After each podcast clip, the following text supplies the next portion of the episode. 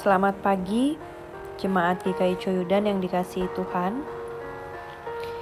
Izinkan saya memulai hari Bapak Ibu Saudara-saudari dengan mengajukan beberapa pertanyaan sederhana yang semoga bisa membantu eh, Bapak Ibu Saudara-saudari untuk mengumpulkan nyawa dan bisa memulai hari dengan lebih fresh. Pertanyaan pertama, apakah Bapak Ibu saudara-saudari mengamini pernyataan Allah Maha Kuasa?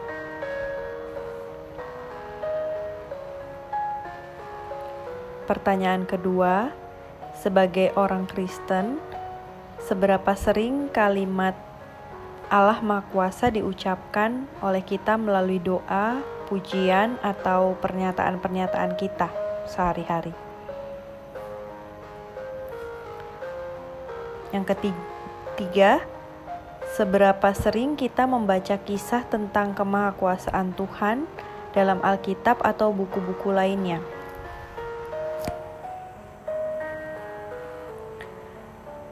Pertanyaan terakhir, seberapa sering kita mengalami kemahakuasaan Tuhan dalam hidup kita?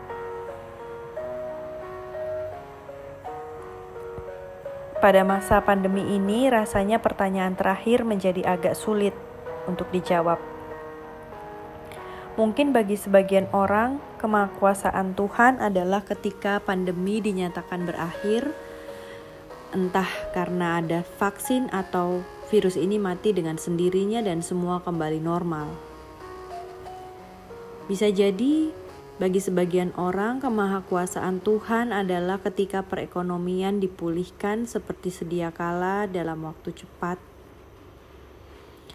Atau mungkin saja ada sebagian orang yang merasa kemahakuasaan Tuhan adalah ketika mereka atau keluarga mereka bisa sembuh dari sakit COVID. Dengan kata lain, kemahakuasaan Tuhan bisa jadi kita samakan dengan harapan yang baik atas kita. Sehingga ketika penderitaan, musibah, bencana, pandemi datang, kemahakuasaan Allah diragukan karena yang baik tidak terjadi kepada kita. Padahal menurut Pendeta Daniel Listia Budi dalam PTJ hari Selasa yang lalu melalui Zoom, Beliau mengatakan bahwa kemakuasaan Tuhan tidak hanya terjadi ketika Ia menjawab doa-doa kita atau ketika Ia mendatangkan yang baik seperti yang kita harapkan. Kemahakuasaan Allah tidak terbatas pada apa yang kita pikirkan tentang Allah. Dan selalu ketika berbicara tentang kemahakuasaan Tuhan, saya teringat doa Paulus dalam Efesus 3 ayat 4 sampai 21 ini. Doa Paulus ini dinaikkan ketika ia akan berangkat memberitakan Injil kepada orang-orang non-Yahudi. Namun, doa ini justru ditujukan kepada mereka yang sudah mendengar dan menerima Injil.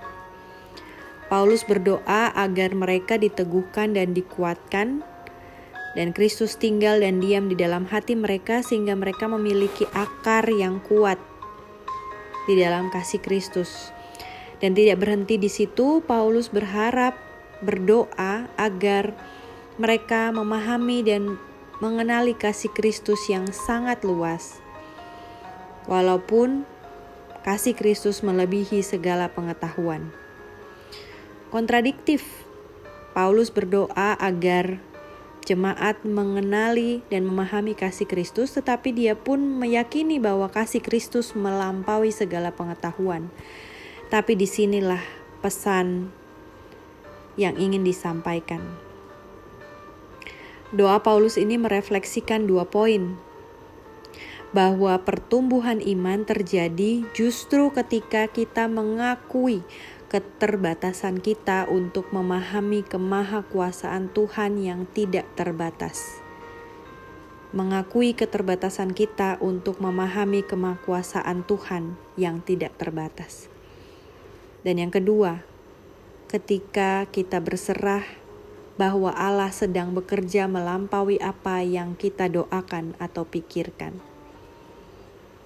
Di situlah pertumbuhan iman terjadi. Biarkan Tuhan tetap menjadi Tuhan dengan kemahakuasaannya. Biarkan Tuhan tetap menjadi Tuhan dengan ketidakmengertian kita akan rancangan-rancangannya. Biarkan Tuhan tetap menjadi Tuhan dengan meletakkan segala doa dan harap kita pada kehendaknya.